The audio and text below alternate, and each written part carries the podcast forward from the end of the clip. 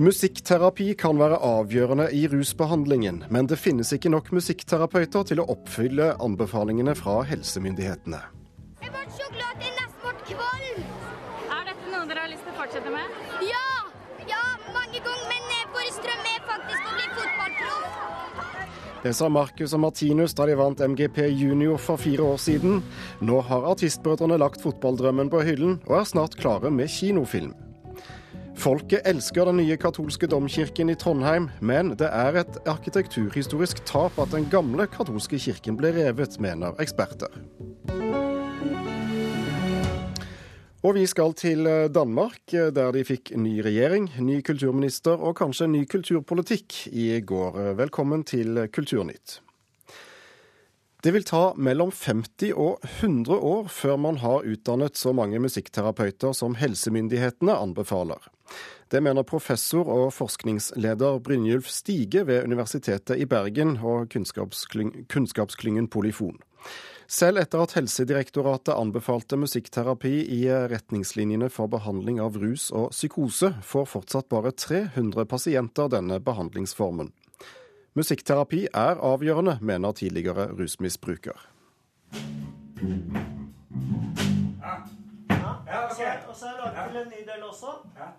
På et lyst øvingsrom fullt av instrumenter viser Knut musikkterapeuten det nye bassriffet han har laga. For ett år siden, da han ble lagt inn på Tyrili rusbehandlingssenter, hadde han aldri spilt noe instrument før. Nå mener han det har vært avgjørende i behandlinga. Når jeg kom hit, så var jeg ganske Jeg hadde vært deprimert lenge. Jeg hadde kobla av, da, stengt av for følelsene. Jeg levde mye av livet oppi hodet mitt. Så det var veldig godt å komme litt i kontakt med følelser igjen. Da. Og det har musikken hjulpet meg til. Ikke minst har det gitt deg noe å se fram til. Jeg tenker også det har hjulpet meg til å få en motivasjon til å komme meg gjennom dagene. da. Jeg gleder meg alltid. Men selv om Helsedirektoratet sterkt har anbefalt musikkterapi i behandling av rus og psykoser, er det ikke helt mulig å gjennomføre i praksis. Det er ikke nok musikkterapeuter i Norge, mener kunnskapsklynga Polyfon. En konsekvens av dette er jo at utdanningskapasiteten i Norge må økes betraktelig. Det sier Brynjulf Stige, som er professor i musikkterapi og leder for kunnskapsklynga Polyfon. Det er om lag 300 terapeuter på landsbasis, noe Stige har regna er altfor lite i henhold til Helsedirektoratet sine retningslinjer. De har anbefalt musikkterapi både i spesialisthelsetjenesten og i kommunene. Så ser vi at det trengs i alle fall 1200 musikkterapeuter. Det er sannsynligvis et veldig lavt overslag. Så det er faktisk så galt at hvis det ikke skjer noe med utdanningskapasiteten, så, så tar det jo 50-100 år. Så det er et massivt løft her som trengs. Og det løftet vil utdanningsinstitusjonene være med på. Men det er pengene det skorter på. Selv om Grieg-akademiet har utvidet med to studieplasser, ønsker UiB mer øremerka midler fra Kunnskapsdepartementet for å kunne få fart på tallet musikkterapeuter i Norge. Det mener departementet at universitetet må ta ansvar for sjøl, innenfor de midler de har blitt tildelt. En viktig del av dette er å tilby utdanninger som gir kandidater som arbeidslivet har behov for, herunder musikkterapeuter. Rammebevilgningen har hatt en solid realvekst de siste årene. Skriv Kunnskapsdepartementet i en e-post til NRK. Og når NRK spør Helsedirektoratet om hvordan de kan bestemme noe det kanskje ikke er dekning for i praksis, svarer de at deres anbefaling er begrunnet i kunnskapsbasert praksis, og at de har støtta Grieg-akademiet i deres arbeid med å ta opp problemet med utdanningskapasitet. Tilbake på Tyrili forteller musikkterapeut Simen Krogsti Lagesen hvordan en musikkterapitime kan gå føre seg. I den uh, lyttegruppa så bruker vi musikk for å øve på å dele igjen, fordi at musikk hjelper litt på det. Det musikk gjør med pasienten, er at den hjelper å sette i gang. Det kan være vanskelig å være i behandling. Og sånn har det verka på Knut, som slutta å høre på musikk da rusen var på sitt verste. Så jeg har et veldig dyrt stereoanlegg stående hjemme, men det brukte jeg ikke de siste to-tre årene før jeg kom hit. Jeg ville distansere meg da, fra alt som het følelser og Jeg hadde ikke noe identitet lenger. For jeg ville ikke ruse meg lenger, men jeg klarte ikke å slutte. da. Det har jeg følt at musikken har hjulpet til å liksom nå inn til en sånn dypere del av meg. da. Og reporter her, det var Ruth Einarvold Nilsen.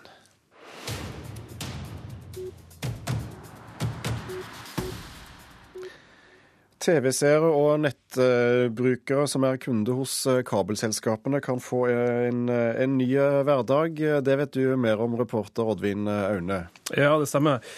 Forbrukerombudet har tidligere slått fast at kabelselskaper som Get og Kanal Digital må tilby bredbånd som et eget produkt ikke bare noe som man velger i tillegg til TV-pakka si. Det vil si at du skal kunne ha bare bredbåndsabonnementet uten å også måtte velge TV-kanalpakke. Det her har omsider nå blitt mulig for kundene. Men hva skjer om du bor i et borettslag som har fellesavtale med kabelselskapene? Ja, nettopp. Hva skjer da? Nei, eh, da eh, Halvparten av alle kundene til Kanal Digital eh, bor jo i et borettslag. Og Birgit Bjørnsen, som er leder for eh, bredbånd og TV i Telenor, det er altså de som eier Kanal Digital, eh, hun sier til Dagens Næringsliv at hver enkelt kunde i et borettslag ikke kan bestemme sjøl. Det vil si at hele borettslaget må stå sammen om en felles avtale, ellers så får ikke borettslaget de rabattene som de pleier å få. Forbrukerrådet er jo kritisk til det her da, og mener at det beviser at markedet ikke fungerer.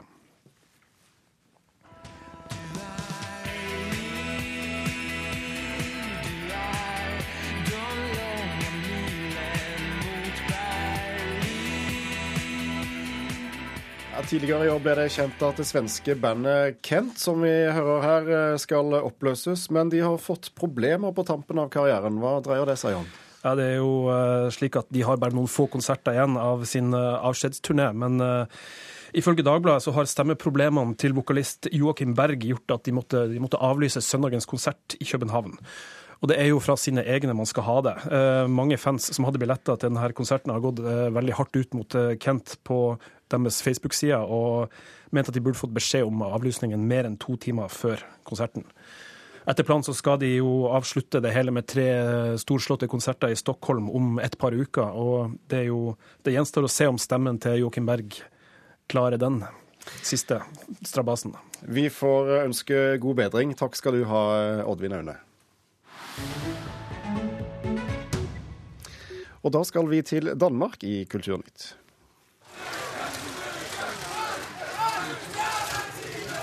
Takk fordi I er, tak fordi I er kommet. Legg merke til hvor veloppdragne våre folk er. Ja, ja, ja. ja, ja. De er ikke blødt opp. Ja, om kampene internt i Danmarks nye trepartiregjering blir like vennskapelig som eh, kampen om den beste heiagjengen utenfor Christiansborg i går, det gjenstår å se. Statsminister Lars Løkke Rasmussen fra Venstre har altså fått med seg Liberal allianse og de konservative i en ny borgerlig flertallsregjering. Mette Bock fra Liberal allianse blir ny kultur- og kirkeminister, og nå spekulerer flere danske medier i hva slags liberal kulturpolitikk hun vil ha for landet. Kulturkommentator i Danmarks Radio, Nils Frid Nilsen, du er med oss i Kulturnytt. Hva vet vi om Mette Bock, hva slags bakgrunn har hun? Jamen, hun er en øh, veluddannet øh, kulturminister. Hun er utdannet både i, som filosof og, som, øh, og i statsvidenskap, altså den øh, uddannelse, de allerfleste politikere i Danmark har. Så hun er en driftsikker kone. Hun har vært opptatt av grensespørsmålet. formand for Grenseforeningen, altså den, der ligger nede i Sønderjylland, i området mellem Danmark og Tyskland. Hun har vært opptatt av grensespørsmål hele sitt liv. Øh, og så er hun dybt kristen, øh, av af Grundtvig, og så har hun en fortid som sjef på flere medier, bl.a. her i Danmarks Radio, hvor hun fikk en på mange måter, hvor hun var direktør og gikk ufrivillig. Øh, hun har vært sjef på en stor jysk avis, Jyske Vestkysten, hvor hun var i konflikt med medarbeiderne. Så hun er en kone, der ved, hva hun vil, og som gør, hva hun kan for å få sine ting gennemført. Ja, Med sin mediebakgrunn i en, en borgerlig regjering, hva slags mediepolitikk tror du det blir av det? Ja, altså på forsiden av den store danske avis Politikken ser man i dag en tegning av Mette Borg, hvor hun står foran Danmarks Radio og uttaler ordene, hævnens time er kommet. Mette Borg øh, kan ikke se øh, noen grunn til, at man skal betale licens øh, for offentlig øh, øh, nyhedsformidling og øh, offentlig medievirksomhet, public service. Hun mener, at Danmarks Radio skal kunne køres akkurat liksom man kører YouTube, altså for private penge. Så der er et enormt øh, balladslag forud, og det bliver også hendes svendeprøve. Kan hun lande en aftale, en bred aftale om Danmarks Radio? Vi kender hendes holdning. Hun mener, at øh, Danmarks Radio skal liberaliseres, eller med det ord, hun foretrækker selv at bruge, fokuseres. Altså, at der skal skæres en, en række programmer fra, formentlig populære programmer av typen X-Factor.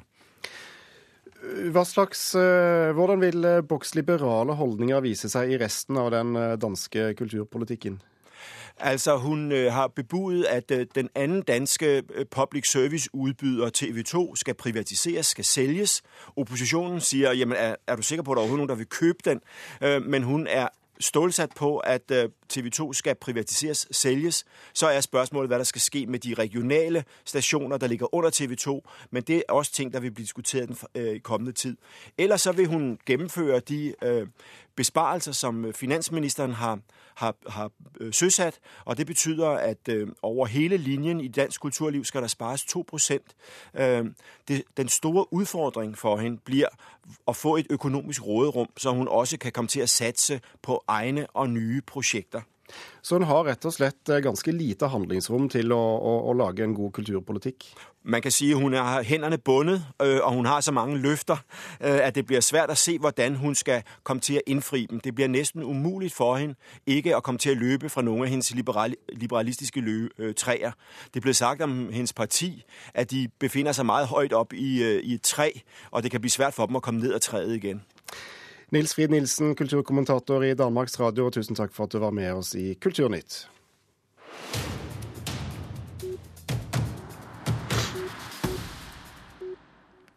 I januar er det premiere på kinofilmen om Norges mest berømte brødrepar for tiden, 14 år gamle Markus og Martinus. Filmen skal hete 'Sammen om drømmen' og blir regissert av 25 år gamle Daniel Fare fra Telemark.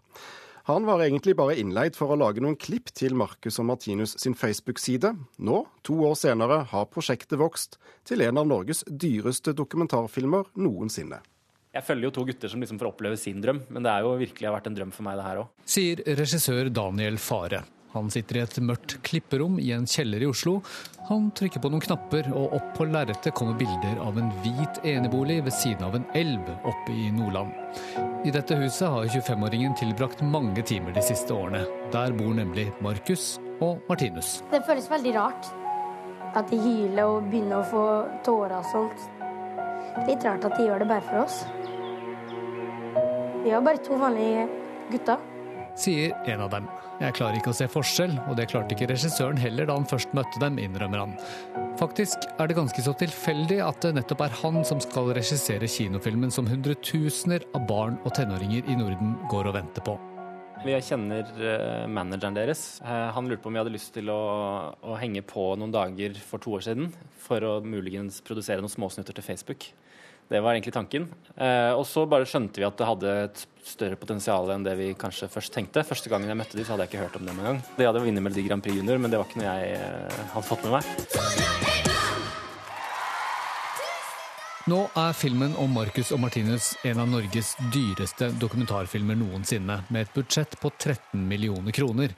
Det sier produsent Tom Marius Kittelsen i Fenomen TV, film og scene. Årsaken til at vi bruker så mye penger, er jo fordi vi ville sikre oss med de beste folka i bransjen. Sånn at eh, Daniel er jo debuterende eh, regissør, eh, og da er det viktig å ha et godt apparat rundt denne debuterende regissøren.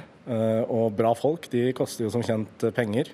Og så har det jo vært vanvittig mange opptaksdager. Vi har passert 100 opptaksdager, som også er veldig kostbart. Fra Oslo, København, Helsinki og nå Stockholm. Her er Marcus og Martinus. I høst har oppturene kommet tett for tvillingene fra Trofors. De har spilt to utsolgte konserter i Oslo Spektrum. Den engelskspråklige plata er en suksess både her hjemme og i Danmark og Finland. Og de ble nylig booket som hovedartist på Oslos nyeste og største konsertarena neste sommer. Dessuten har boka om livene deres ligget på andreplass på bestselgerlisten i fire uker nå. Den fikk, som du kanskje husker, kritikk for å være et Marcus og Martinus-produkt mer enn en skikkelig biografi. Men den fellen skal ikke kinofilmen gå i, lover regissøren. Jeg føler ikke at det er en sånn skjønnmaling av dem som mennesker. Jeg føler at vi viser det på godt og vondt. Det er jo en utfordring med å lage film om Marcus Martinus, at det går veldig mye bra med de. Hvor nært har du kommet? Jeg føler jo selv at det er kommet så nært som nesten det er som mulig å komme for min egen del, i hvert fall. Men kan det ikke også bli litt grenseløst? Det er jo tross alt snakk om mindreårige her. Jo, definitivt. Det, det, kan definitivt bli grenseløst. Jeg føler at uh, ikke det blir det her. Jeg føler også at det er en av grunnene til at, uh, at jeg har fått den tilliten, er nettopp at jeg også vet når jeg skal gå ut av et rom. Så jeg har som sagt aldri blitt kasta ut av et rom, men jeg har for flere anledninger gått ut eller trukket meg tilbake og gitt dem det. Jeg tror jeg har vært ganske god på å vite når man skal være på og når man ikke skal være på, da. Reporter i dette innslaget var Petter Sommer. Du hører på eh, Kulturnytt i uh, Nyhetsmorgen. Klokken den har blitt 18 minutter over åtte, og dette er uh, nyhetsoverskriftene nå. Et brasiliansk fotballag var blant 70 mennesker om bord i et fly som har styrtet i Colombia. Det kan være overlevende, men omfanget av ulykken er fremdeles uklart. Politiet kan få tilgang til å åpne telefoner med eierens fingeravtrykk og ved hjelp av tvang. Det kommer frem av forslaget til ny straffeprosesslov. Høy andel innvandrere på skolene fører ikke til at elevene får dårligere karakterer. Forskerne ved Universitetet i Oslo sier de ble overrasket over resultatet. Vi holder oss til eh, skolen, for norsk er blitt et instrumentelt fag og dreier seg mer om å måle leseferdighet enn å bidra til å utvikle leselyst, kreativitet og fordypning i skjønnlitterær lesing blant elevene. Det mener Tom Jambak i Utdanningsforbundet. Men kunnskapsministeren er uenig. Når uh, faget blir uh, mer instrumentalistisk, så forsvinner det mye av det som f.eks.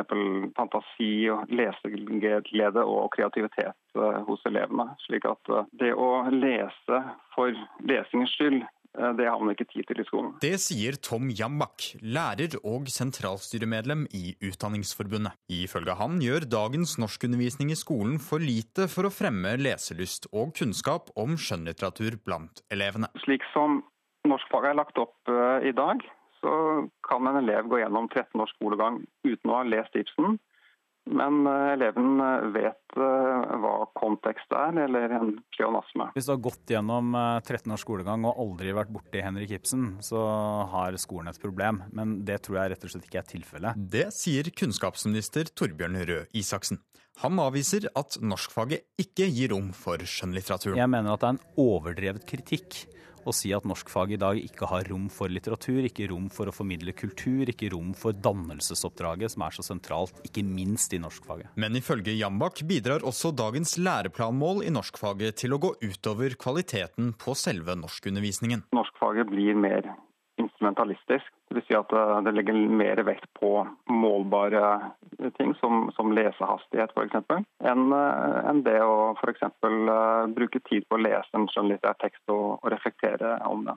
Det å lære å lese, hvis man oppfatter det som instrumentelt, så, så, så, er det klart at da sliter kanskje deler av norskfaget. Men hvis du ikke lærer å lese, ikke knekker lesekoden tidlig i skoleløpet, så er det ikke mye rom for å utvikle leselyst senere, for å si det forsiktig. Jambak sier også at alle målene i læreplanen gjør det vanskelig å få tid til å fordype seg i skjønnlitterær lesing. Jeg snakker med lærere som mener at uh, det er lite tid til å sitte og lese en, en skjønnlitterær tekst, en, en bok, i klasserommet. Pga. at man må videre og, og, og, få krysset av for neste mål. Og at det er for mange læreplanmål i norskfaget, ja det er kunnskapsministeren enig i. Det kan jo også legges til da at det har ikke skjedd noen endringer i norskfaget i vår periode, men derimot har vi planlagt noen endringer i norskfag og alle andre fag. Fordi vi mener at fagene i skolen har blitt for stappfulle av forskjellige typer målsettinger.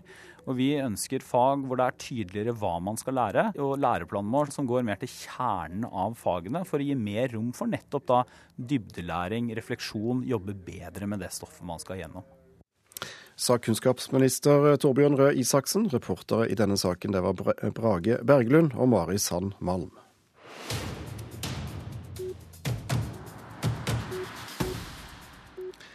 Den nye katolske kirken i Trondheim ligner en klosterkirke fra middelalderen, og er det første du ser når du kommer til Trondheim by sørfra. Eksperter mener det er et stort tap for arkitekturhistorien at den gamle katolske domkirken er revet. Men byfolket har allerede blitt glad i den nye. Jeg, vet jeg syns den er så stilig, og jeg syns den passer så godt inn der den ligger. Så det der syns jeg var et flott tilskudd til byen. Kjempeflott. Mye finere enn den som var her tidligere. Det er et kobbertak, og det er mursteinsbygning og, og fin uh, arkitektur. Hva syns du om det? Jeg syns den er fin. Moderne. Steinen på syns jeg gjør seg utrolig godt. Jeg synes det er veldig fin. Husker du den som sto der før? Nei, jeg gjør ikke det.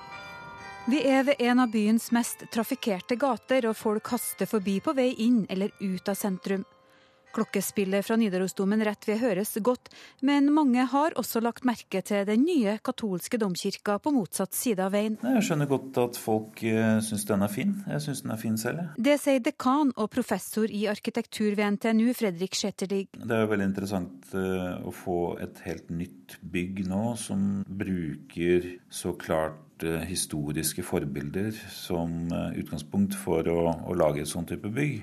Så kan man jo si at det, det forebygget som sto der, eh, var jo egentlig et fabelaktig modernistisk bygg. Tegnet av Per Kartvedt, en av de virkelig gode arkitektene vi har hatt eh, her i landet. Så arkitekturhistorisk så er det jo et tap at, eh, at, det gamle bygget ble revet. Også en av landets fremste formidlere av arkitektur, professor Einar Dale, var glad i den gamle. Den nye domkirken i Trondheim det er en formmessig en middelaldersk basilika. Veldig forskjellig fra den gamle som ble revet, og som mange av oss var veldig begeistret over. Så hva er det som gjør at folk i dag blir så begeistra for et nybygg som i form og uttrykk representerer ei helt annen tid? Den forteller noe om tiden vi lever i. At vi har en hang til å se tilbake til, eh, til de gode gamle dager. Samtidig så er det en lengsel etter noe som er holdbart, noe som varer utover egen tid. Sånn sett så er jo dette som er bygget nå, noe som er holdbart, og som sikkert kan stå der i flere hundre år. For menigheten er dette et stort økonomisk løft som ikke har vært mulig uten private givere. Kirka kosta 100 millioner kroner. Den modernistiske i glass og stål var dessuten for trang, kald og upraktisk, sier økonom i Trondheim katolske stift, Per Albert Wold. Vi har bodd i et moderne bygg, jeg må si et bygg som egentlig ikke har fungert som kirke de siste årene pga. mange ting. Så det vi, eneste vi visste når vi skulle bygge nytt, det var det at da ville vi ha noe annet enn et, bare et moderne bygg. Men selvsagt skulle det være moderne i uttrykksform, men kanskje i en litt gammel tradisjon. Derfor så endte vi opp med en treskipa basilika. Og Det har jo vært en lykke, og det ser jeg jo alle medlemmene i menigheten også er veldig veldig fornøyd med det. Det er Jon Morten Breidablikk ved Eggen Arkitekter som har tegna kirka, og han er glad de som bruker den er fornøyd. For oss er det viktigste at menigheten som, eh, som bruker kirka til daglig, er fornøyd. Det at, eh, at den tidligere kirka var altfor liten, man klarte ikke å samle menigheten. så er først og fremst et behov mer enn en markering egentlig av eh, den katolske kirken, som har frembrakt eh, det bygget her. da. En treskipa basilika var det de skulle ha. Det har de fått, og den oser av kvalitet. Sjøl om den har gammel stil, er den samtidig moderne i uttrykket, med vegger i lys teggerstein, interiør i eik og sandsten i gulvet. Og sognepresten sjøl, Egil Mogstad, har fått akkurat det kirkerommet han ønska seg. Veldig fornøyd. Én fot i oldkirke og én fot i det 21. århundre. Og én fot i verden og én i Norge og Trondheim. Sånn må det være. Og våre reporter Grete Tobro har begge føttene i Trondheim.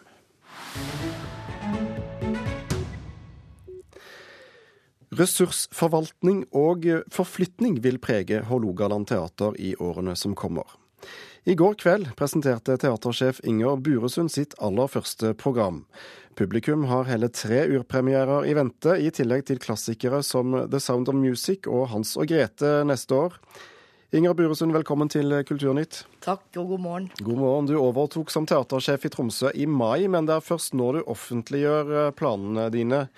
Og eh, ord som ressursforvaltning og forflytning er vel kanskje eh, begrep som får flere av oss til å gjespe tross en god morgenkaffe. Hvordan skal du lage spennende teater av dette? Det skal vi greie å lage spennende teater av. Og dette er, ikke, dette er, jo ikke, begreper vi bruker for å beskrive det som skal være på scenen, men det er for å beskrive de temaene vi skal forholde oss til gjennom en rekke andre arrangementer som debatter og seminarer, og vi skal gjøre det i samarbeid med store institusjoner i Nord-Norge.